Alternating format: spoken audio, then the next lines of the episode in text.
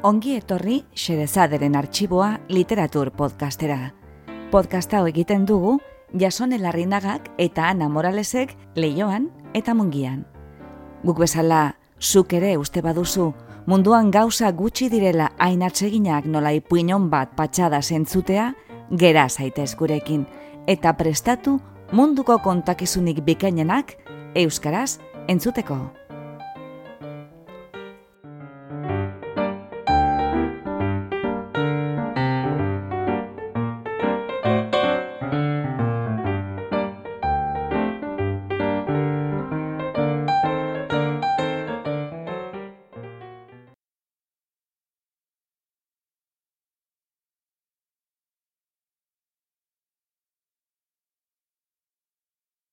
Gaur, Xerezaderen artxiboan, indar handiko emakumeak perpetua zaragoetaren arabera. Aurreko atal batean, irakurri genituen perpetua zaragoetaren oroitzapenen liburuko zenbait pasarte. Aurreko atal hori entzun espadozu, utzi hau eta joan bestea entzutera bere alaxe. Horrela jakingo duzu norri izan zen emakume handi hori, eta zenolako gauza jakingarriak idatzi zituen bere iskribu autobiografikoetan.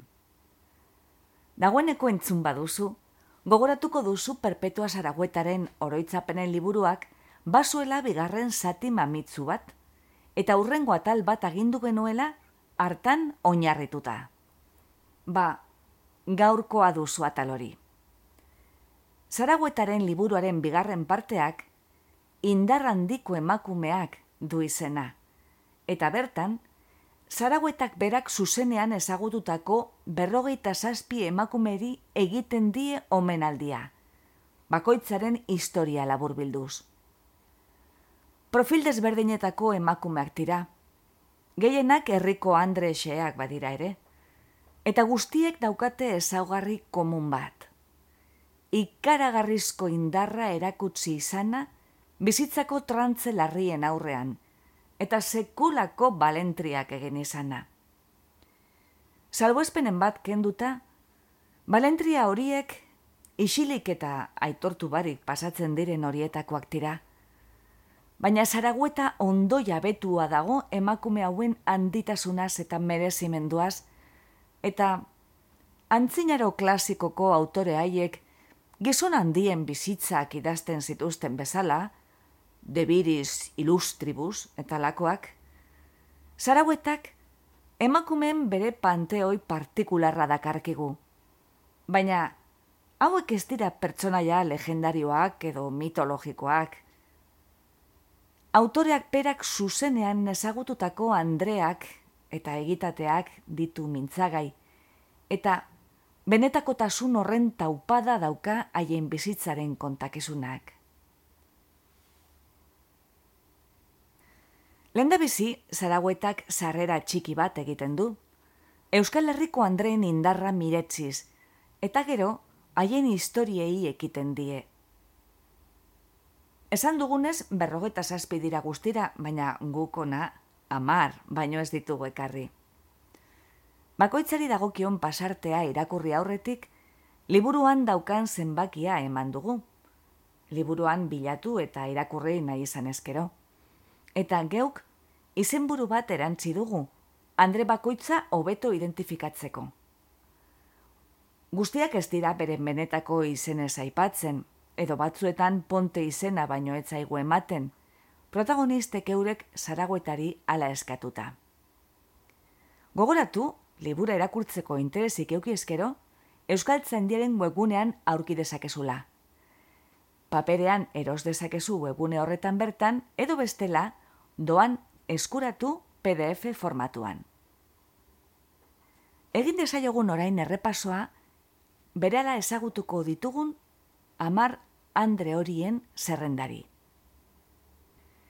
Lehena, Maria Ana Sanz da, profil publikoa eukizuen bakarra bilduma honetan.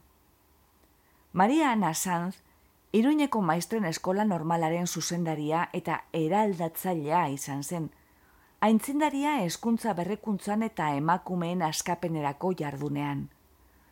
Emakume langilei eta familia pobretako umei laguntzeko ekimen garrantzitsuak abiarazi zituen, kantina kudalekuak, jantzitegia, baita presoen aldeko ekimenak ere, konzepzionaren alek inspiratuta. Zaraguetak pixka bat sakontzen du emakume honen genealogian, eta bere guraso ez ere hitz egiten digu.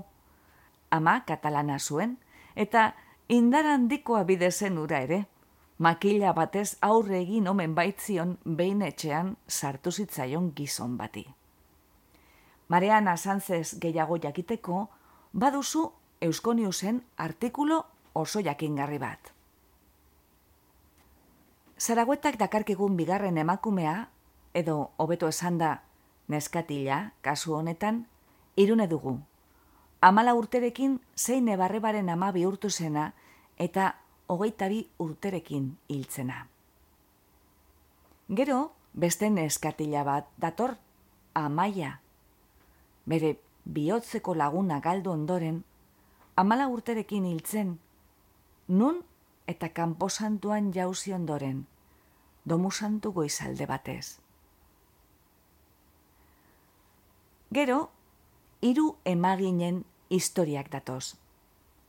Perpetua zaraguetak haien historiak aprobetsatzen ditu ofizio horretako Andrei dien txera eta miresmena adierazteko.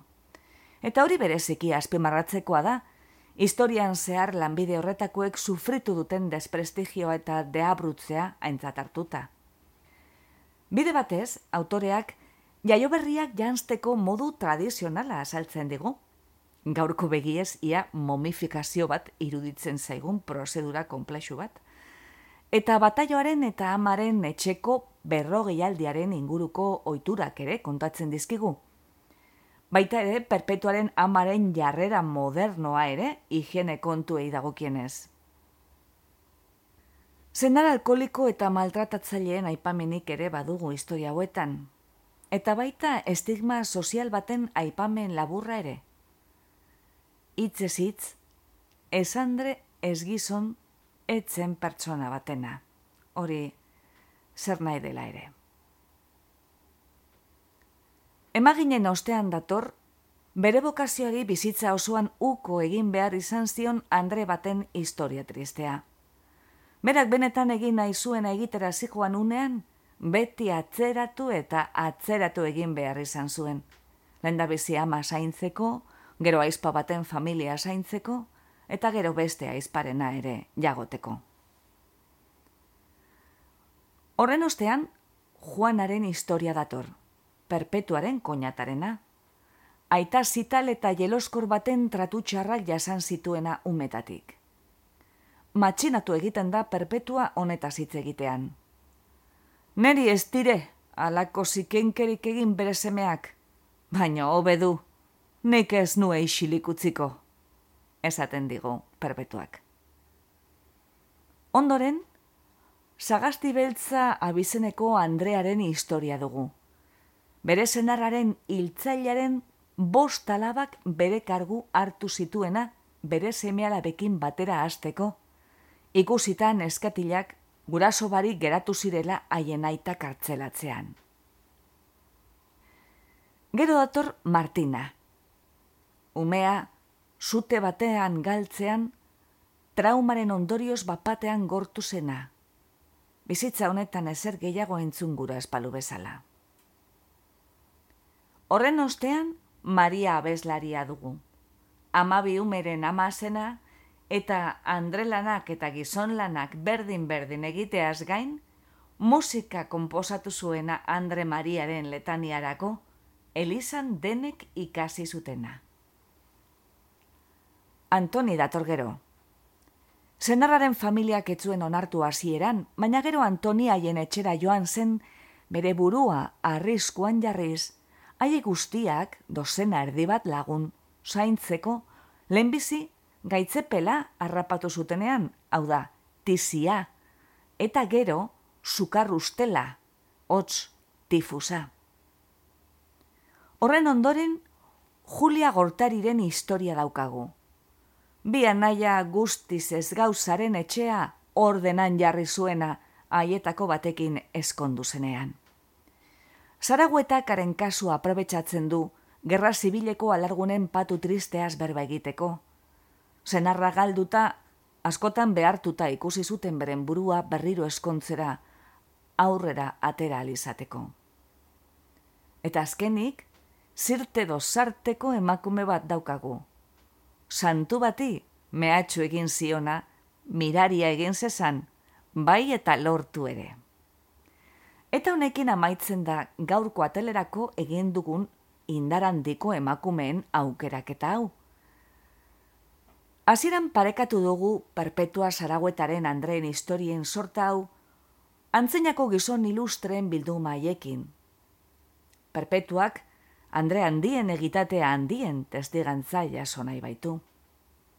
Baina, horretaz gain, bere gizako agiografia bat dela ere esan daiteke. Izan ere, esan liteke, zaraguetak santa laikotzat tratatzen dituela Andre handi horiek. Eta hori, oso nabarmena da, kontakizun hauetako askoren bukaeran, haiei egiten dizkien kutsu religiosoko inbokazioekin. Euskal Herriko Andre guztiak zaindu ditzaten. Bete dadila ba perpetua zaraguetaren desiraura, eta zaindu dezagulaguk Andreaien memoria.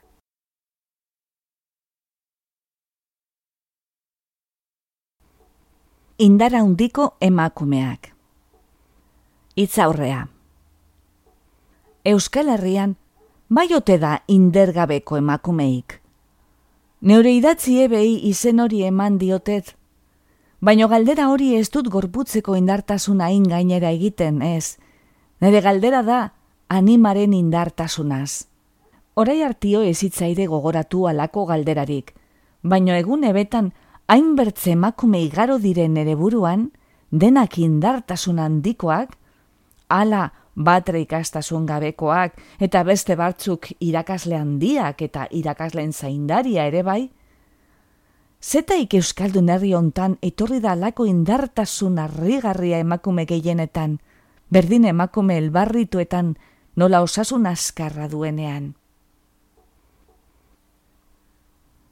Gertaera ebetan idazteko, batzuek eman dirate beren baimena beren bataioko izena eta bizenak paratzeko, eskerrak ematen diotet. Baino gehienei ez daiet eskatu denbora eskaztu delako zafera hoietako. Eta ebei izen bat eman badiaiet ez da berena. Hau da Lemexikoa, Maria Ana Sanz.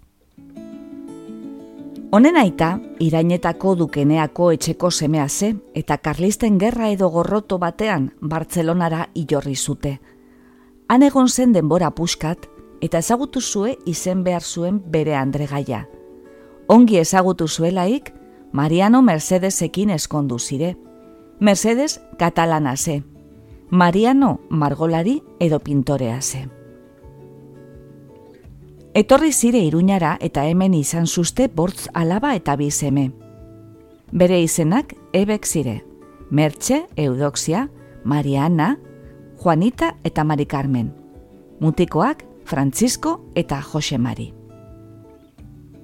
Errandudan bezala Mariano margolari ona zen. Eta Andreak ezagutzen da indartasun guzietarik bazuela. Erran zirete, Katalunian behin batez, hartu zuela matakan handi bat eta beraikin eskutan bota zuela bere etxetik gizon kiskil bat zerengatik sartu zen bere etxera eta uste izan zue bera zirri egitera joan zela eta hartu zuelaik matakana eskura gizonak laizter egin zue kanpora. Dudarik gabe, burua lepoaren gainean zeuken eta bere etxean berak manatzen zue eta etzue kanpoko gizonik behar. Horrek erran nahi du zentzua handiko emakumea zela. Hogei eta bat urte zituen Marianak eskondu zelaik, eta orduko irakasle ona egina zen. Zenare maztebek izan zuzten hiru seme eta zazpi alaba. Alaba Mariester nere amak azizue, nere amak aurronei eman zio bularra hogeita lau hilebetez eta gelditu seguretxean hogei eta marretaraino euskera ikasteagatik. Mariana, denbora irakasle eta gero zaindari ona izan ze, baino nahi gabe handiak ere eman zio biziak. Erakusteak eta ikasteak bakarretan eman ziote min ederra bere bihotzean, amar umen ama eta astekotan bere aurrak etxetik atera behar. Bat izitzaio asterakoan arbizuko herrian, bera Madriden oposizion deitzen dena egiten, aurra gaizkitu eta hil, eta berak deus etzekiela, baino hiltzen minutu berean erranomen zio bere lagunari, nire semea hil da. Eta lagunak, nondik? Zure semea ez da hil? Ez dizu niok erran? Bai, erran dire berak.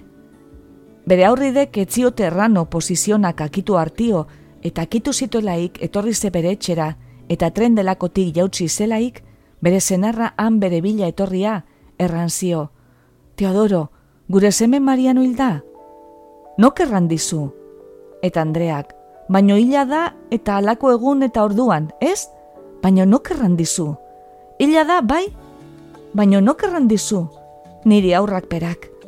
Eta bere lagunak eta bere etxean gelditu zire harriturik ola astatzea.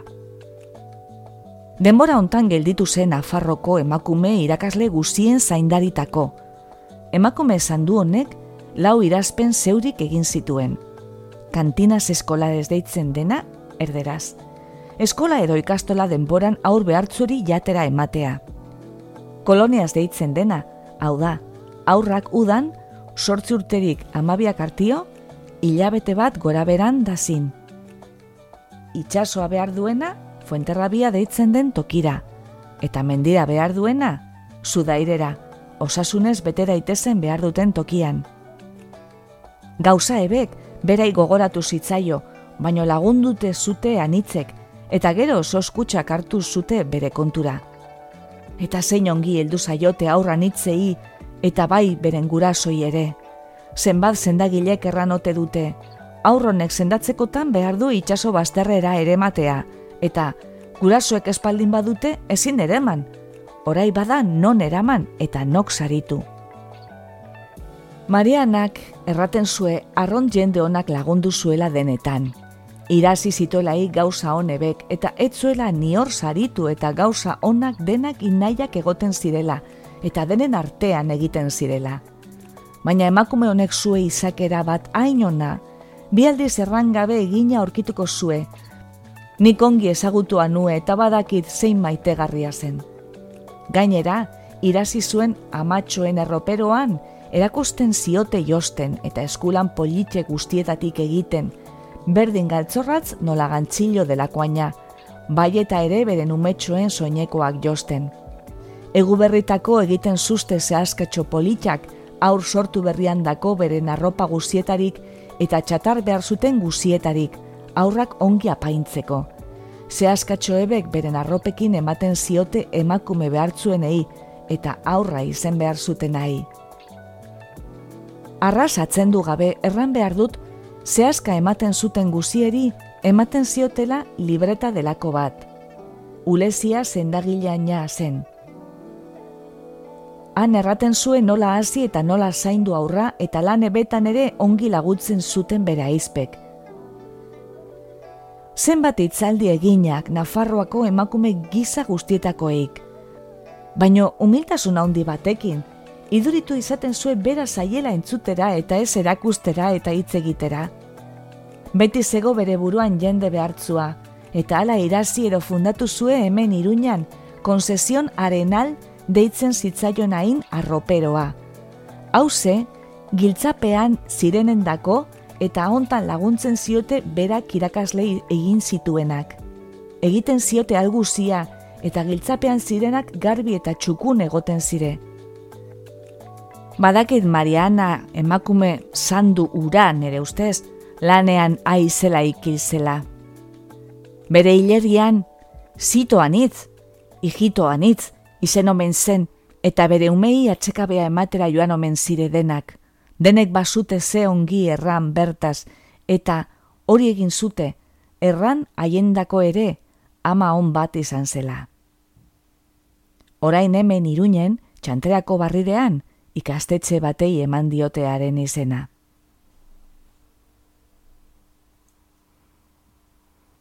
Sortzigarren emakumea, irune, amala urterekin bere zei nebarrebentzako ama bihurtu zena eta hogeita bi urterekin hil zena.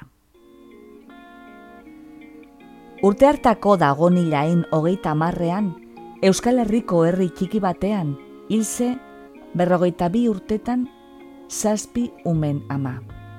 Eta ama bat arrontona. Zazpi umetan zarrenak zitue amala urte eta hil bezain laster, hartu zituen bere zei aurrideak, eta eraman zitue ama birginaren altzinera, eta lenik erran ziote. Orai hau da gure ama, eta gero errantzio zeruko amari. Gure ama maitea, orai bai zuzera gure ama. Zarren zen irune, eta hauze arrontabile eta langile haundie. Bere aitaren dako ze esku eskuina beti egin nahi ez manatzen zion guztia. Eta bere anaia eta aizpendako ama bezalakoa. Bak esan duan bizi zire aurrak aitarekin, bai eta bere nosaba batekin eta morroi edo mutilarekin. Etxaldea handia ze eta da. Etxe handia da eta alor eta lurra nitz du. Etxe ondoko landak bere sosak balio ditu, gero behi eta behorrak arrontonak ditu, baino hainbertze gauzek, lana nitz dute. Uste dut lemisiko denboretan lixu egiteko erematen zutela herri bereko emakume zenbait, eta irunek laguntzen ziola ikasteko denboran, eta gainera lixu handiek izenen zute. Ogi ere etxen egiten ze asterokoa eta uste dut hori egiten zuela berak. Nik adin hortan egiten nue zeurik, ama ezongi zelaik. Irunek etzue bere burue deusteko barkatzen, lana undienak beretzat hartzen zitue. Demor hartan, etze etxetan urik orai bezala, eta zenbat ferreta ur ereman ote zitue egunean etxera. Ala bizitu zire sortzi urtez, joan behar base merkatuetara joaten ze bere aitarekin, berdin auritze edo uartera. Aste batean uartera joaten zire aita alabak, baino irune etzego ongi, eta aski gaizki paratu ze, ia etxera igaro hartio arron gaizki paratu ze. Egin zute alguzia sendatzeagatik, baino dena deustan gelditu ze, eta Elizakoak hartu ondoan, hogeita bi urtetan sandu bat bezala hil ze. Bere aitaren negarrak, gizajo joantxo, damugarri ze ala ikustea aita sortzi hilabete gora beran, irunen gibeleti guan ze.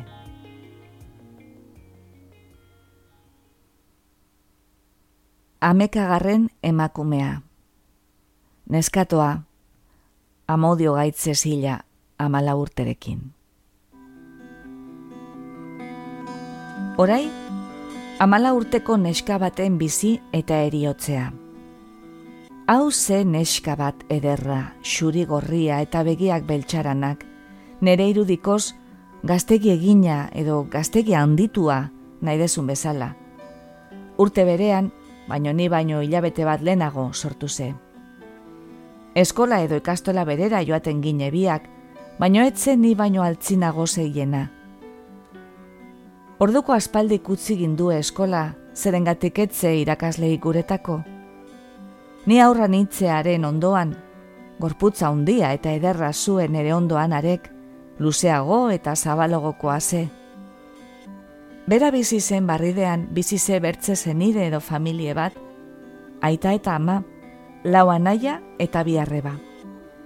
Zeme eta ik bat, gaizki zego, eta hilabete bat zerama arront gaizki, ezin ongitasun pixka bat agerrazi, eta hain gaizki paratu ze, eman ziotela Elizakoa gixajoari, eta denbora gutietan deus erdietzi gabe hilze urriain hogeita zazpian.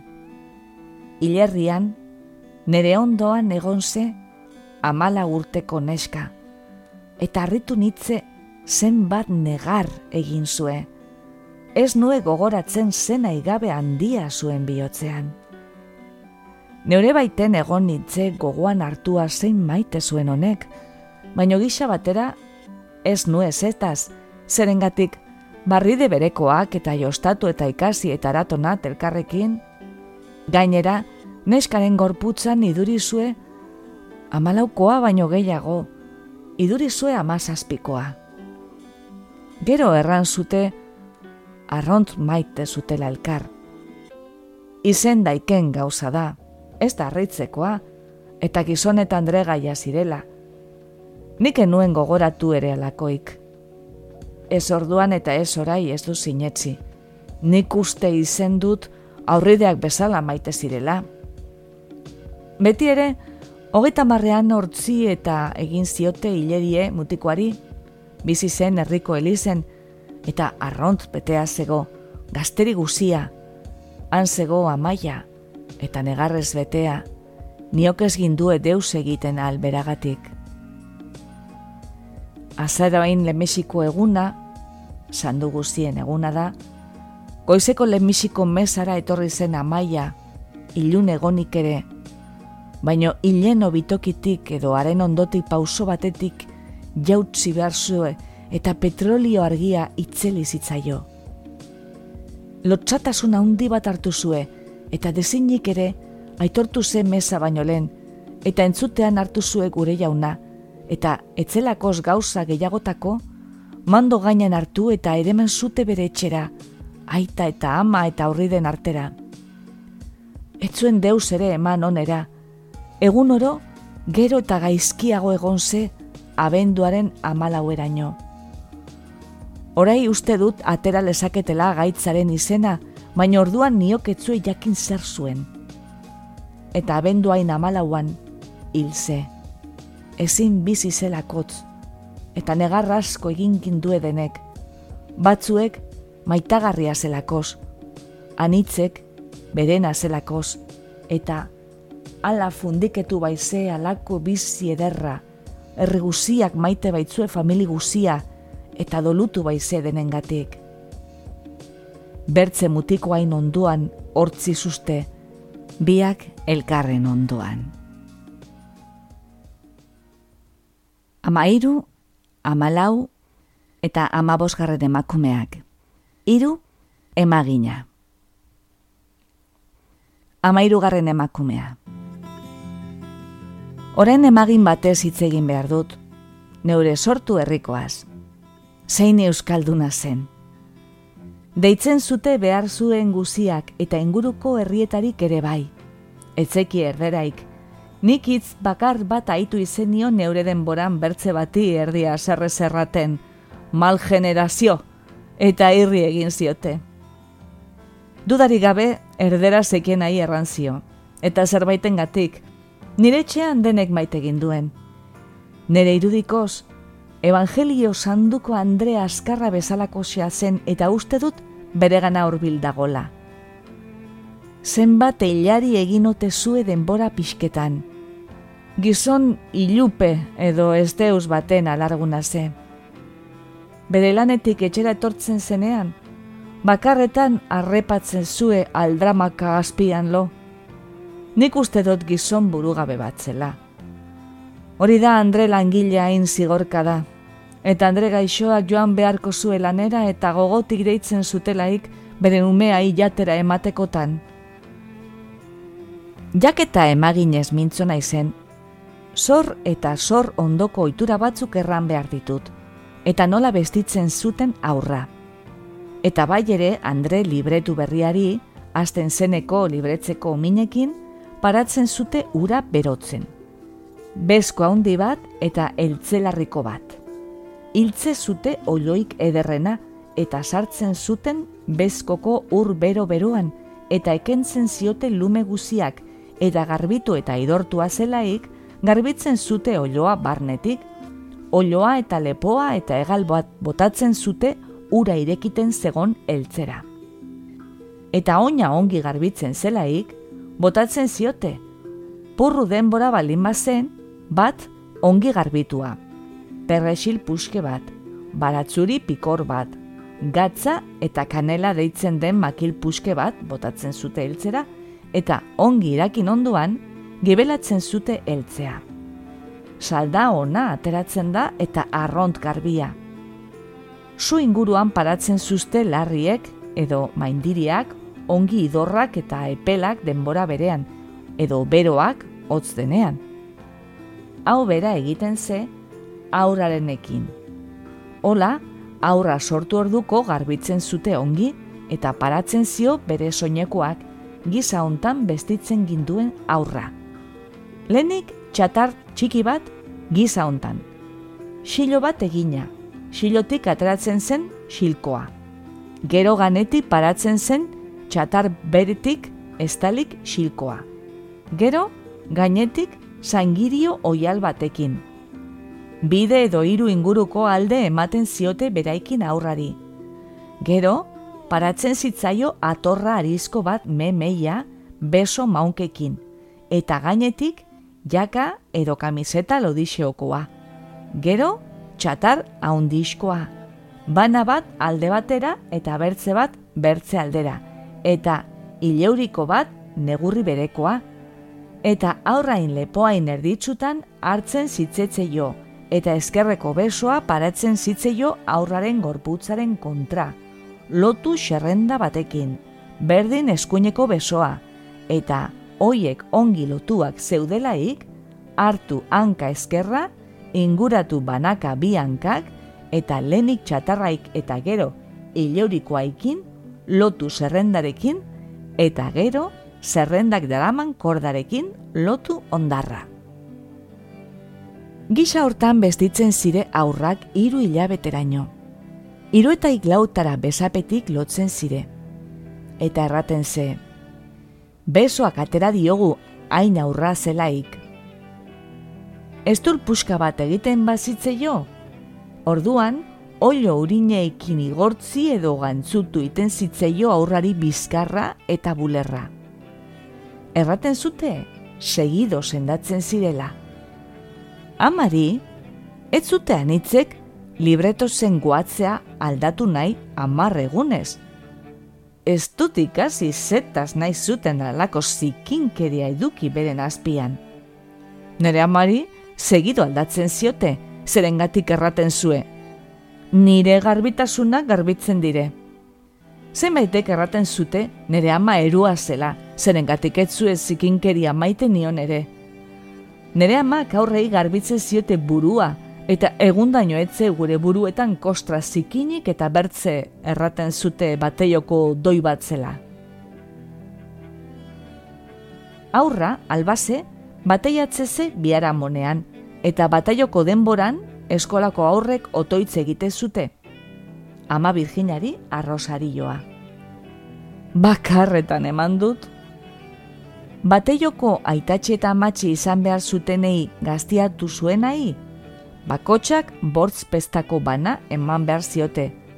Aurraren amari, bakotxak ogoita bortz pesta. Aite eta amatxi lagunek, amabi eta erdi bakotxak amari. Apesai ere, aitetxik erdizka amatxikin. Baskal ondoan, etxea izaten zen kontu egitea, emaginak erraten zuen zenbat eta zer eman behar zuen bakotxak. Oiturak ziren bezala. Nik egin dut iruritan eta mezkiritzen izen nahi bateioko amatxi, eta gutiz gora bera, oitura berak zire, behar bada mezkiritzen gehiago eman behar ze.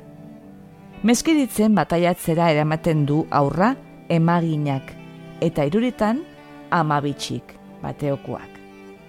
Gauza ebek orai duela berrogei urtekoak zire, eta anitz lehenagokoak ere. Orai dela berrogei urte, hileze erraten hain nintzen emagine izen ze bertze bat, baino nik emagin bezala enuen funtsik ezagutu. Nere izeba ze eta izeba bezala maite nue. Andre batek aurra izeten zuelaik, berrogei egunez, etzeike etxetik atera. Nik ikusi izen dut, teila bat buruan paratu satarira jausteko. Badakit arront aurra nitzela, baino oroitzen naiz. Nere ama, hogei egunen inguruan ateratzen ze elizera. Amatxik aurra eremeten zue, eta berak kandela elizako eta ogi eta ardoa apesaren dako. Ezin bazue amatxik, laguntze zio emaginek. Azki aur bagine eta baze lana denendako. Mateian ere eramaten ze kandela ederra, eta bataiatzen zen aurrak espazue anaia bat, bataio sanduaren denboran kandela biztue edukitzeko, idukitzen zuen lengusu batek, neretako ala idukizue ni baino zazpi urte zituen batek. Nere aitaren arreba baten zeme zarrena ze, denbora anitz joan da ordutik onat. Errandu den emaginek, ez zue aur sortu berriak pakarrik bestitzen. Hilak ere, berak bestitzen zitue, eta denei maitetasun haundi batekin. Ola zeure, saritzen zitzaiola, baino badire anitz gauza ezin direla aski saritu, eta arek egiten zituenak alazire nere irudikoz, ezin sarituak. Baino denendako zein dartasuna zuen berekin. Jaungoikoak ordaindu dezola berak takien bezala, goian bego. Amalaugarren emakumea. Emagina, emakume maltratatua. Horai bertze emagin batena. Hau ere, bere sortu herriko emagina zen. Nik ikusten nuen guzietan, irri goxoa Espainetan, begiak gozotasun handi batekin iduri zue zerutik jautzia zela. Ume alde eder bat bazue, amar bat, ez dakit. Atzendua nue, baino nire idurikoz gehiago.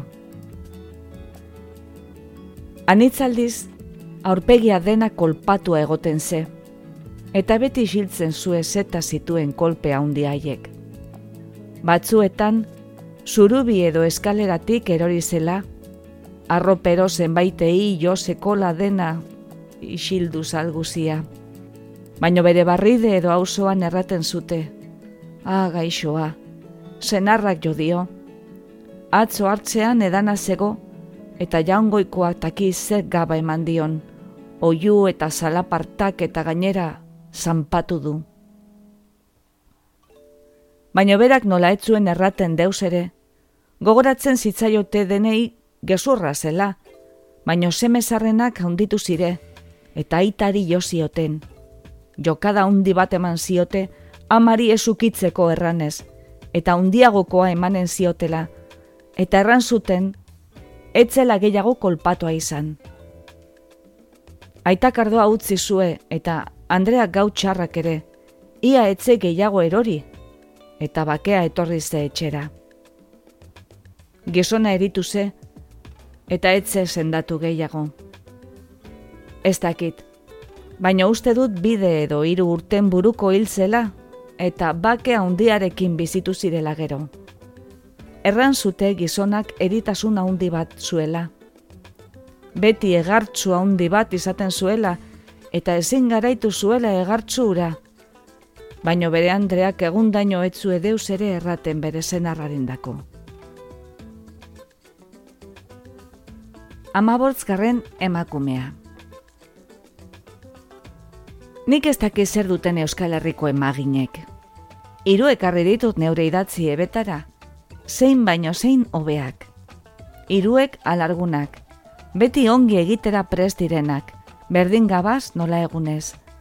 Beti irri inezi nahiez beren ondoan diren ezongiei beren osasunean. Langileak. Nire herriko sendagileak iorri zire, berak, eta ikusi nue, oberik etzela izaten ahal. Bere kontuak edo bizimoduak erraten zire, baino bertzen gauzetan etzuen hitz bat erran nahi. Etzue zetaz eta isiri gelditzen ze. Berak bazue denbora alarguna zela, eta ezagutzen ze arront maite zuela bere zenarra, baina gelditu ze bizemeikin eta hirugarrena berekin zuela, lau hilabete inburuan, izezue neska bat. Gainera, berak basuen anaia bat. Elbarritu ez, baino nire ustez makurrego. Ez andre eta ez gizon. Berak garbitu eta jatera eman, bulusi, bestitu, dena bere kontura. Gaixoa, zenbat lan egin zitue hiru aurrekasteko eta beren bidea emateko. amasegarren emakumea. Zerora joan nahi eta ezin. Iruritan ezagutu nuen neska bat berrogei urte ingurukoa. Aizkidetu gine eta nire aizkidetaik oberenetaik bat ze. Moja edo zerora izen aiez igaro zue bere bizi guztia. Lenik, bere ama eriarekin eginalak eginez joan ze denbora puxka bat. Hiltzelaik, joateko asmoan prestatu ze. Baina, bere sortu etxeko aizpazarrena, eskondua, hil ze ustie gutienean bihotzeko min batekin. Hil baino lehenago eskatu zio, erranez bera basaiela, eta haren bi aurrak zaindu zizkiela, bere eskuetan usten zituela eta usteko zerora joatea. Lehenago zirela aurraiek eta hitze manazi zio, eta aurrekin egin zue alguzia. Gaztena, neska polit bat, zazpi urtetan bertze bihotzeko min batekin egatu ze zerura.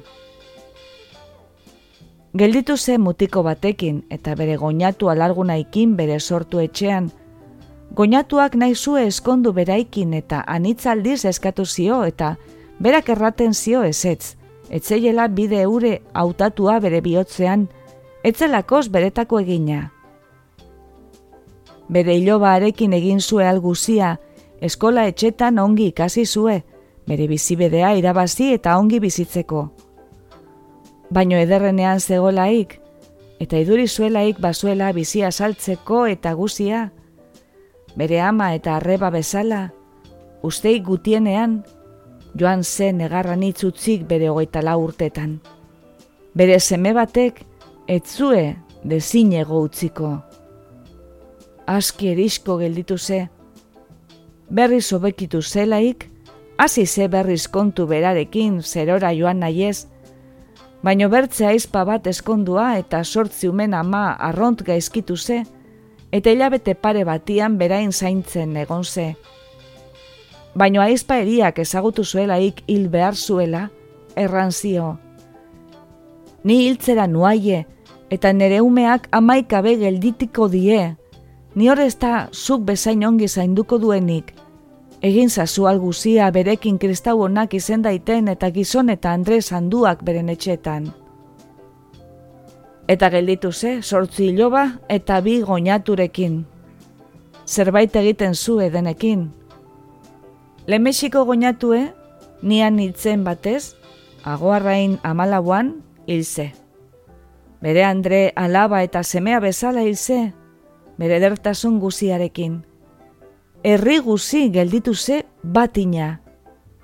Bere bertze goñatuak basue denbora gaizki zela eta bi hilabete gibeletik joan ze, bere aur guziak bere goñata utzik.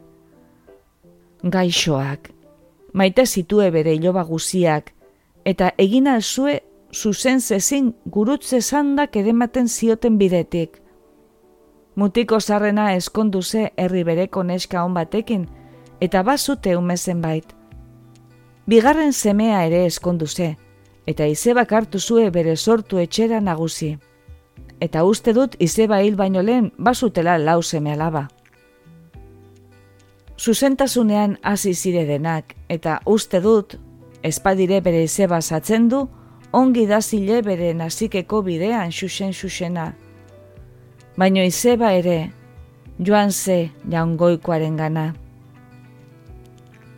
Minik aski izen zitue bere bizian, eta uste dut, atzin hartu zuela zeruan sartu zelaik.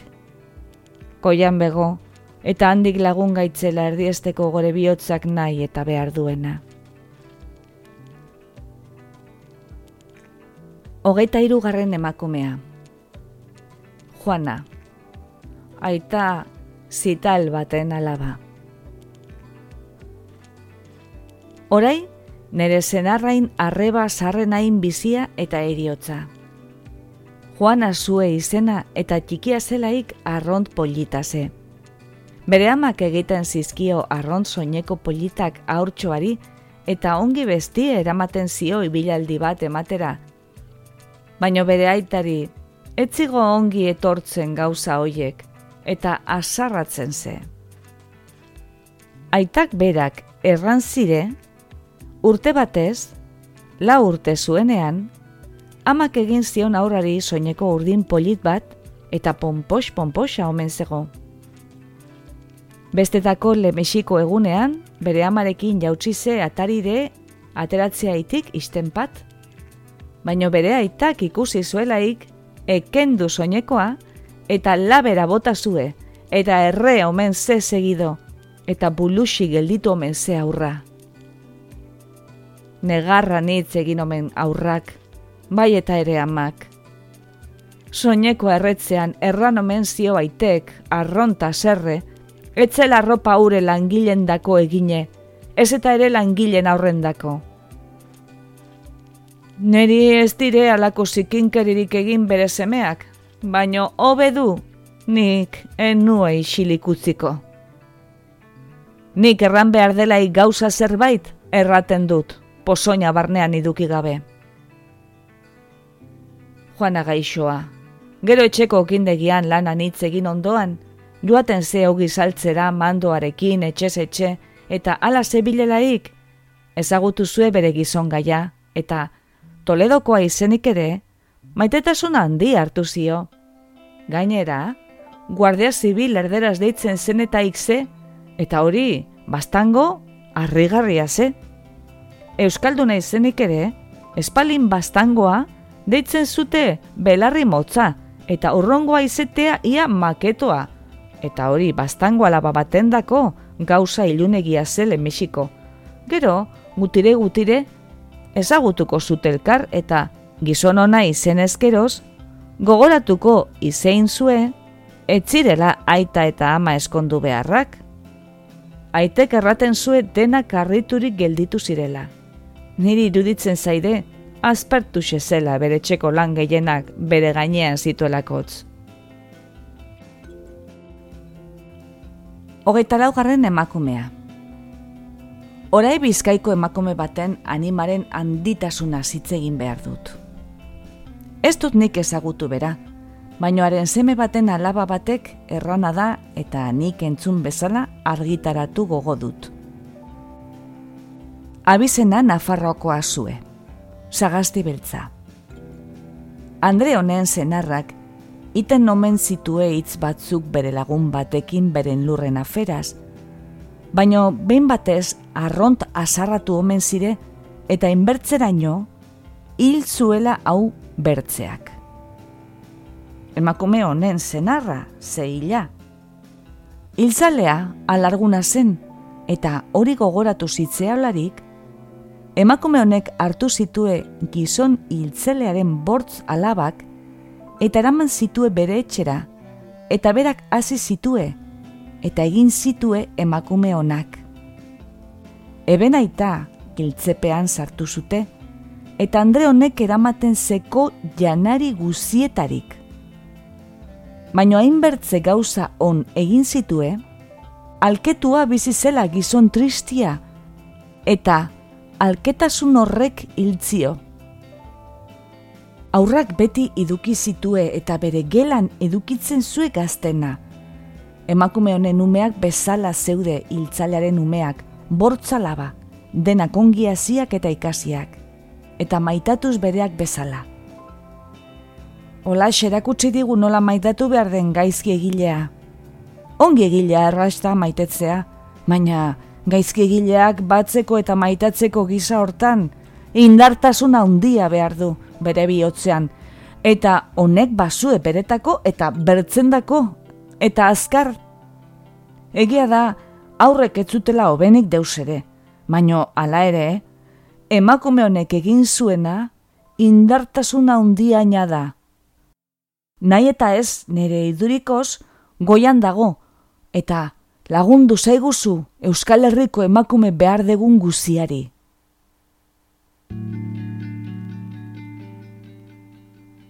Hogeta mairugarren emakumea, Martina, umetxo bat erreta hil zitzaiolarik, kolpearekin gortuta geratu zena.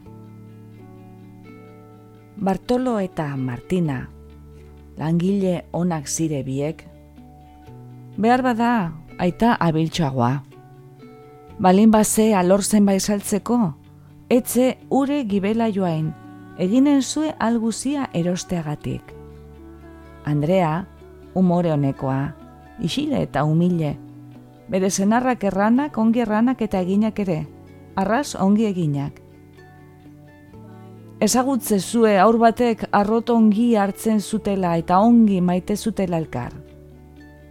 Izen zuzte ume alde bat ederra. Uste dut, zei aur zeurik bazutela zeruan. Bat, lau edo bortz urtetan, mesa nagusiko denboran errezitzeiote. Aita gelditu ze zaintzen, baina ala beharra ote zen, aita jautsi ze behiei behidetzera, eta aurra erreze. Atxalde berean hiltze. Andrea, naigabearen gatik, sortu ze arront, etzue deus ere aitzen. Gaixoa, ongi naigabetua gelditu ze, basu ezetaz eta min hartzen gindue oroitzeaz bakarrik. Gero, ure hiltzean, ize zuten lemexiko aurrari paratu ziote izen bera, baino ze hilabetetan hiltze. Angel izena zuena ere hilze, eta urbilen ahi izen bera eman eta ia urtea inburun, hil. Eta gero oroitzen naiz bertze bidez, neska eta mutikoa, bi ekilek. Ama gaixoak zenbait negar eginik joan zen lurretik.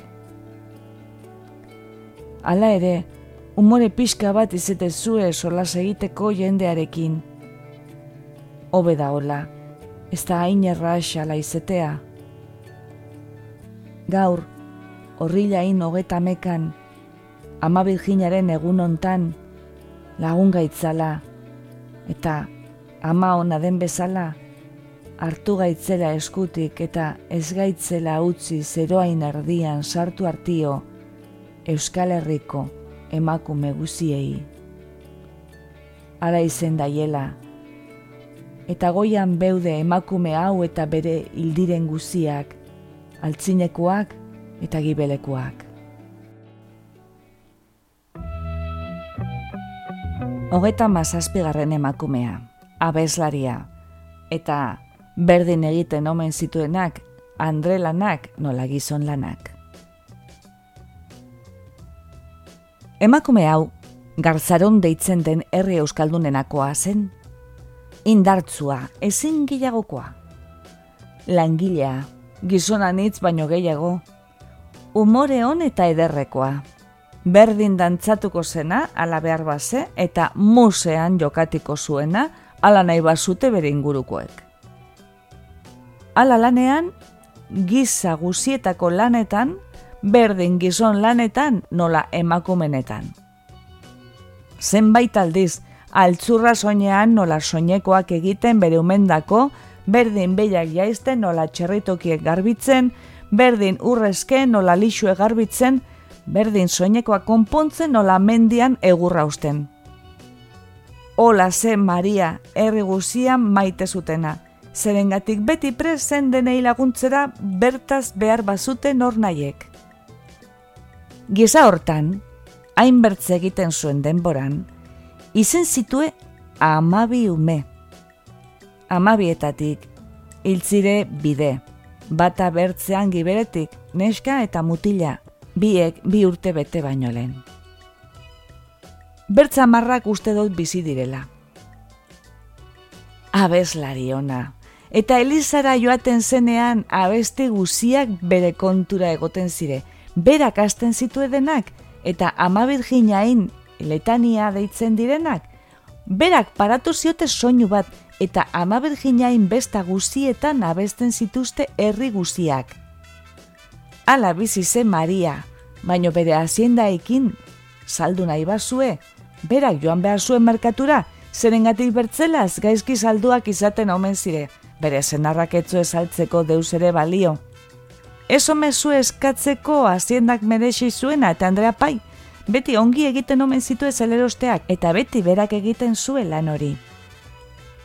Bere indartasuna handia ze, iturri bat bezala, nondik etortzen zitzaion ordu bakotxean ordu hartan behar zuena, eta hala pasatu edo igaro zitzaizkio denporak, eta segur, osasuna ere bai.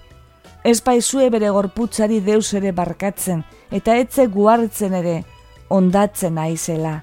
Eta gero eta gehiago, zerengatik berak etzuen ikusten bere gaitza, eta hortan zego bere makurre, gero eta gaizkiago hasi eta hala egontze denbora puske bat, eta azkenean, berrogeta sortzi urte zituelaik hilze.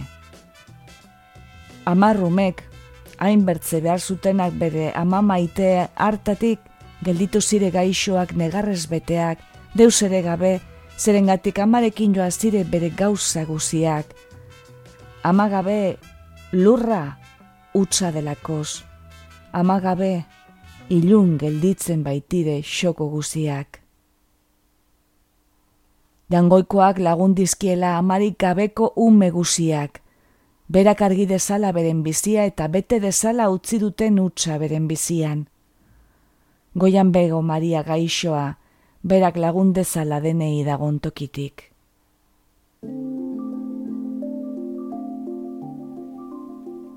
Berrogeta garren emakumea, Antoni.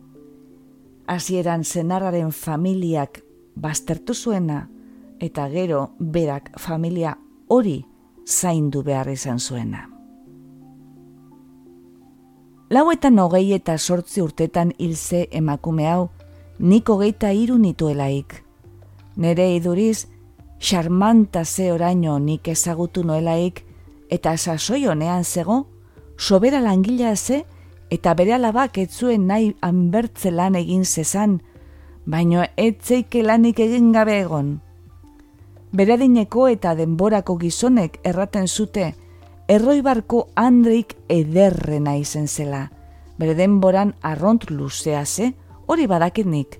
Xuri gorri eder bat eta bibegi, isilik zegolaik solas egiten zutenak. Urdinak zire. Gezurra gaitzestu ezue aspaldik eta egigarbia, min egiten bazio ere, ze bere muarria. Beti egia. Entzun izen dut bere zenarrai, sortu etxean eskontzera berarekin etziotela utzi nahi. Obezuela diru gehiago zuenarekin egiten baze, baino bere gizon gaiak errantziola bere aitari. Espalu sos bat ere, nik Antonikin eskondu behar dut. Emakume bat nahi dut eta hori da nik hautatua. Eta goñata beharrak egin omen zio askitraba paratu, baino denak alde batera utzik eskondu zire eta beren bizi guzian arront maite omen zut elkar. Egun daño hitz bat elkarren artian makurrekoik egun daño ez zuten izan. Baino oraino badot zererran. Beren gertaera zenbait.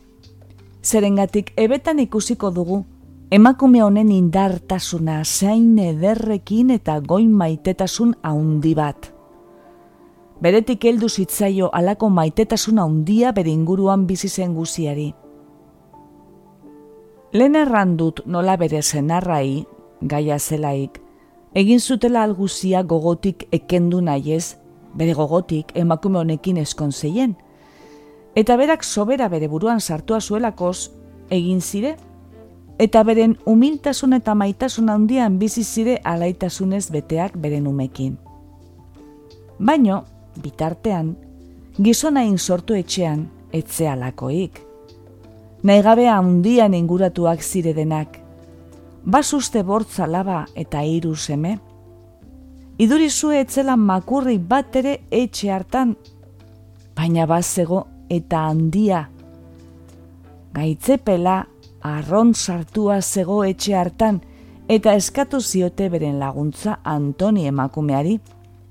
Eta honek, bere sortzi umekin eta denak, erizirenak baino gazteagokuak, batre gogoratu gabe kutsatu zeizkiela, joan ze eta gabaz eta egunez han egoten ze zaitzen gaixoak eta egine zendagilak manatzen zuena bakotxa gurte pare bat egiten omen zute goatzean, eta eginalak eginik ere, alabetan sartu ze gaitza, lemisikoa ilorduko, baziren bertze bide gaizki zirenak, eta bere izebai erraten ziote.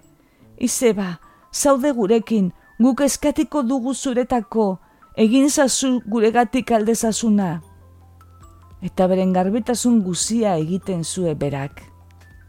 Eta beren ama, arron dezineze, baina sukaldeko lanak egiten zitue.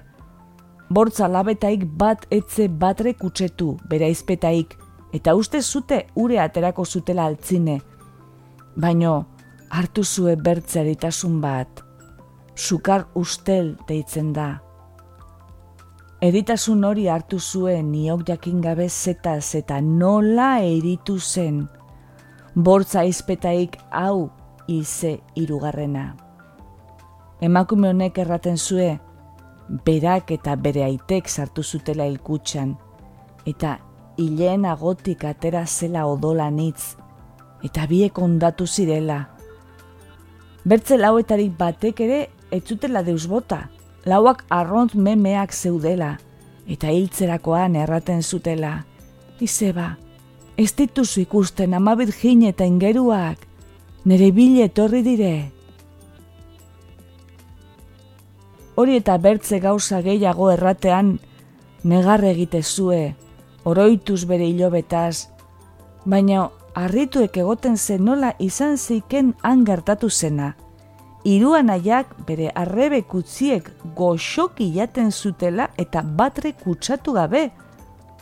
Mutikoa eta neskatxak eginalak eginik etzeiten kutsetu eta bortzak hilak, hogei urtetaik hogeita bortzerainoko hortan ondarra hortzi zutelaik, joan omen ze bere etxera, eta ongi garbitu zelaik atxeden pixka bat hartu nahi ez nekatua zelakoz, ganbarara joan nahi zuelaik, agertu omen ze hilen anaia bat, eta negarrez betea erran omen zio, izeba, jaungoikoaren izenean zato gure etxera, nere ama hilen da zugabe eta txeden guziak utzik alde batera, berriz itzuli ze bere zenarrain sortu etxera, eta egitera alzuen guzia, lehenago nahi etzuten tokian. Eta gainera, bere ume bat ere etzen kutsetu, ez zukar ustelez eta ez gaitze peletik ere, saltza guzien artean zebilaik beren ama, eta hori ere gogoan edukitzekoa da dena. Gero, maite zutela beren izeba? Bai, baino berak maitiago izein zitue iloba haiek, hainbertze egin zuelaik berengatik. Olako emakumekin ez da indartiko gure herria.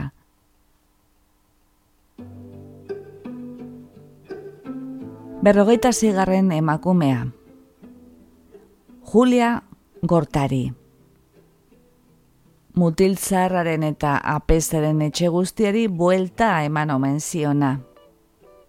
Eta bide nabar, perpetuaren gogoeta bat Espainiako Gerra Zibilak utzitako alargunak direla eta. Berri zuarra murdire joan behar dut, ia ze ateatzen duden emakume ontaz, egizko indartzu ontaz. Sortzez ez da zugarra murdiarra, baino arara joan ze eskontzez, bi anaia. Bat mutilzarra eta bertzea apesa, herriko kuadjutorea deitzen dena. Nere idurikoz, sosez, ongi zire, baino emakumeikabe gaizki. Aski estuak, jakin gabe nola prestatu gauzak, alaianariak, nola garbitasuna, nola konpondu eta nola josi. Azkenean, aurkitu ze mutilzarra Julia Gortariki, eta ezagutu zutelkar, eta dizkidetu zire, eta eskondu zire. Ase Andre charmant hartu zuen. Etxe guziari eman zio buelta osoa. Jaungoikoari eman behar ditugu eskerrak lurralde hontan alako emakumeak ematen digulakoz. Euskal Herri hontan hasiak eta ikasiak jaunari eskerrak eman behar dugu alako indarra eta hainbertze doi zabaldu dituelakoz Euskal Herriko emakumetan. Anitz aldiz gogoratu zait Espainiako gerra edo izan ginduen gorroto handiarek zenbat ama semeak kabe eta zenbat alargun zenarrik kabe egin ote zitue. Neri, Andrea alargun batek erran zire, herriberako mendabiakoa zela, eta hogeita zazpi Andrea alargun gelditu zirela, batre berak gerrara joan gabe, zinpi zampa, herrian berean hil zituztela bere zenarrak hogeita zazpi urte zituela. Negar egin garri ze erraten zuen agaixoak. Eta zein indartasuna behar zuten emakume gaixoek, buru ematea gelditu zen lan aldea ikin. Naigabe guzien gainera gehienek galdu izein zute beren osasuna, bakea eta gauza on gehienak. Berriz eskontzen zirenak, laneko besoak behar zutelakoz, hori gertatze ze, baino etze hain erra songe aurkitzea bertze batekin. Baino, denak ilundurak zire orduan, eta bertze bat geigo iretsi behar izen zute, gaixoak.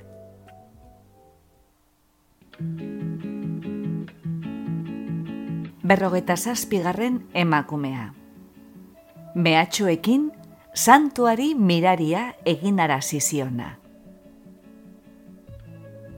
Ahoitzera urbil den herri polit batean, artieda deitzen denean, ni aurra nintzelaik base andre bat ederra, zentzua undikoa. Arek burua ongi paratu azue. Baino etzue batre gozotasunik izen bere aurtzaroan, ez eta bere gaztetasunean, aita eta amari gabe gelditu ze oraino aurra zelaik, eta etzue aurride bat ere.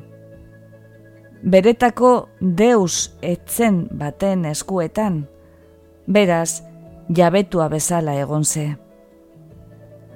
Etzego berak nahi zuelakoz, baizik ala utzi ziotelako saltzinekoek, bakartasun handian gelditu zelaik. Uste dut gizon edo mutil zen honek eskondu nahi izen zuela berarekin, baino neska honek etzuela sekula beretako ongi hartu alakorik, eta ongi kesiondoan emakume langiza guzietakoak, eskonduze bere gogoko mutil on batekin, langila undia eta salerosle oberenetaik bat. Etxea handi batean bizi zire, eta aldi batez, bera kanpoan zielaik, zuek hartu omen zio etxeko gebelaldia eta etorri zirelaik etxera eta ikusi ia etzela deustako itxaropenik, hartu omen zue Andreak Jose deunaren irudi bat zua segon toki berean, eta Andre honek erran omen zio. Jose sandua, itzel zazu hau eta espade zuitzaltzen, zuzera lehenmisiko erreko zarena. Ze zinezmen handia zuen, ontaik ageri da.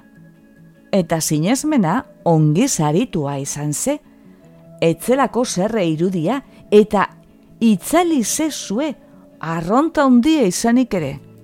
Ageri da ere bere indarra handia zuaren artean sartzeko eta errateko sanduari errantziona. Nere idurikoz oraino etxe berean dago irudia batre erregabe. Gero herri bereko elizan paratu zute irudi bat haundiagokoa Jose deunarena, eta herri guztiak maite du, eta eskatzen dute bere laguntza.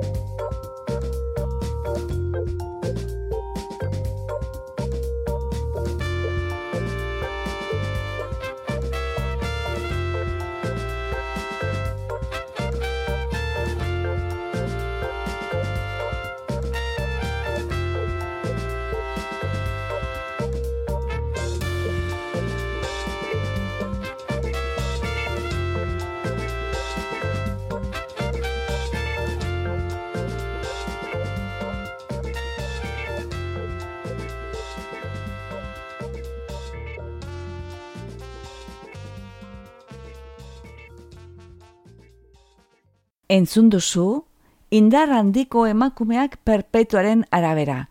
Perpetua zaragoetaren oroitzapenen liburutik hautatutako zenbait pasarte.